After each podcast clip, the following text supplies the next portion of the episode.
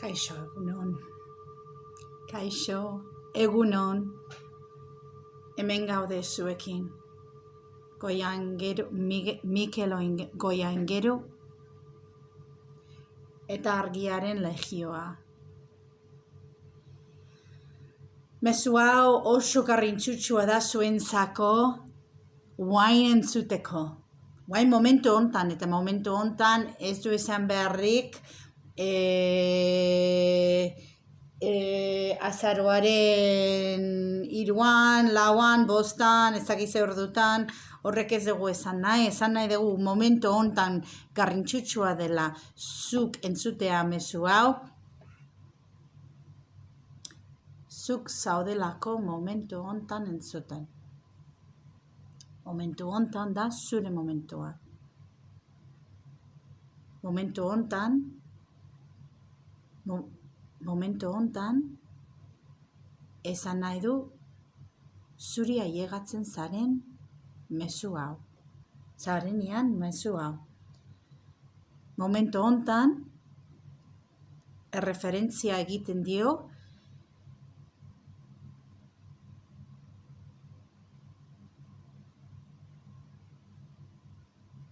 ailegatzen denean mezua. Eta oso garrantzitsua, puntua oso garrantzitsua da guk e, e, nahi dugu zuek ondo jasotzea mezu hau, denbora da libre, denbora da irekia. Denbora ez da zuk pentsatzen duzun bezala lineala. Ez da lineala denbora. Ez da. Ez da.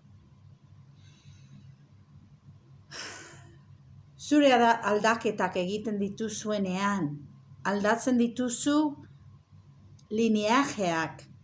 Ez duzu bakarrik aldatzen momentu espezifiko lineal baten hor. Ez, transformatzen dituzu zure ancestroaren bizi, bizi, bizi ditudan gauzak zuk transformatzen dituzu. Zuk ireki, zuk e, zure lineajetik etorkizun ere, etorkizuneko eta aldameneko e, ateak irekitzen dituzue. Ez bakarrik momentu lineaje ba, lineal baten. Orduan, konzeptu hori nahi dugu ongi ulertzea. Ez dago denborarik lineal. Ematen du, lurrean ematen du. Eta zuentzako bizitzeko aukera hau, esperientzia hau lurrean, etorri zareten honetarako, bai, bai bizi behar dituzu gauza batzuk denbora lineal baten. Eta zure lana da, ulertzea, dago, dimensio hori, li, denbora lineal, dagola existitzen du, ematen du existitzen dela. Ez da, e, ematen du existitzen dela, baina benetan, benetan ulertzea, naiz eta lineal baten zaudete lurrean, eta aproposa, aproposa, adrede, etorri zarete adrede. Hau, e, linea, e, denbora lineal baten bizitzea, etorri zaretela. Adrede. Gogoratzen zaituztegu, denbora dago irekia, irekia. Eta naiz eta hemen lineal baten egiten da zerbait, afektatzen dio honi ere, eta honi ere, eta honi ere, honi ere. Osea, e, dena dago e, irekia. Vale. Hori da lehenbiziko puntua. Bigarren puntua etorri garela gaur esatea, Bueno, et, que gara etorri beti gaude hemen, beti gaude zuekin, hau da, oso, oso, oso, nahi dugu hori ere bai, nahi dugu hori ere bai, e, benetan sartzea. beti gaude zuekin, beti gaude prest zuekin egotea. Bakarrik egin, gauza bakarra egin behar dezula, gauza bakarra egin behar dezula da ireki. Ireki galdetu.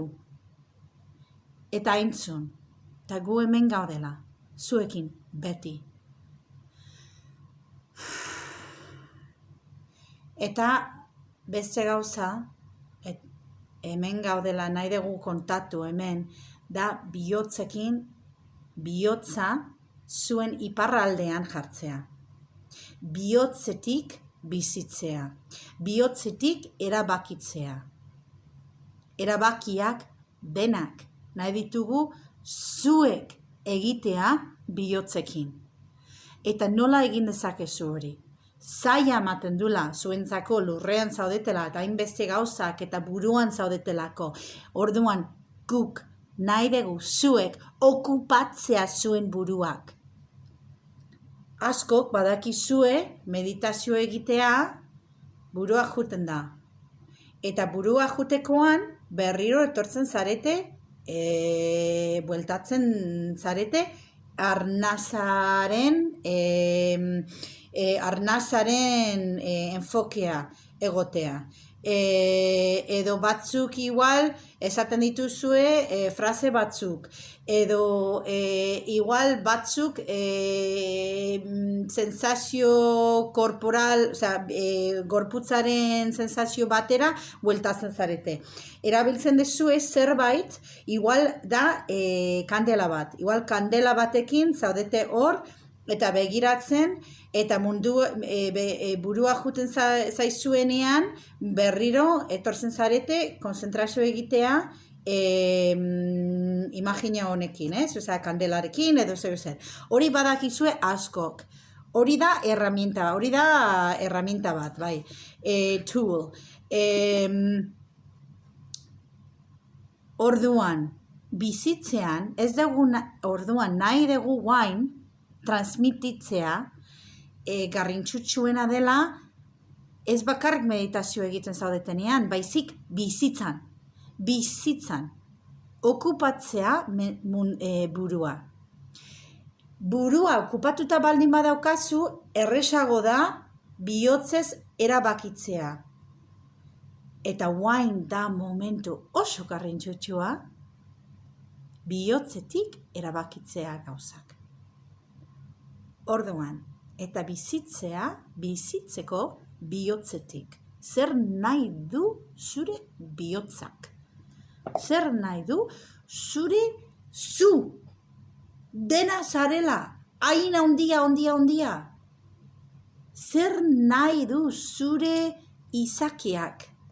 Zure e, zu, zure energia, zuk eta bihotzatik sentituko dituzu gauza horiek.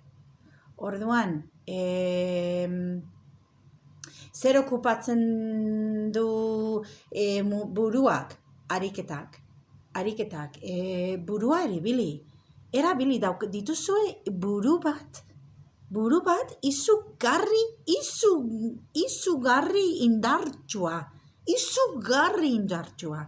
Hainbeste indar, indarrakin, jarrakin, hainbeste e, almenarekin, al, almena undia daukazue zuen buruan. Eta hemen lurrean, naiz eta ez dituzue, ezin dituzue e, buru eskin guztietara ailegatu, zaiatu, zaiatu eta eta ariketakin egiten, gero eta zakanagoak joten zarete eta gero eta okupatutago dagola buruak, gauzak egiten zure zuen buruak erabiltzen dituzuenan, dituzuenean, lasaiago zaudete, hobeto lo egiten duzue. Batzue gutzatzen zaie hizkuntzak, baina pues, hizkuntzakin erabili zuen burua. Matematika, matematikarekin erabili zuen burua irakurri gauzak e, buruari ariketak egiten diona. Eta gero, eta gero sentitzen zara, burua erabiltzekoan, gero sentitzen zara beteta. Beteta eta lasaiago. Eta horrek irekitzen ditu zuen bihotzeko ateak.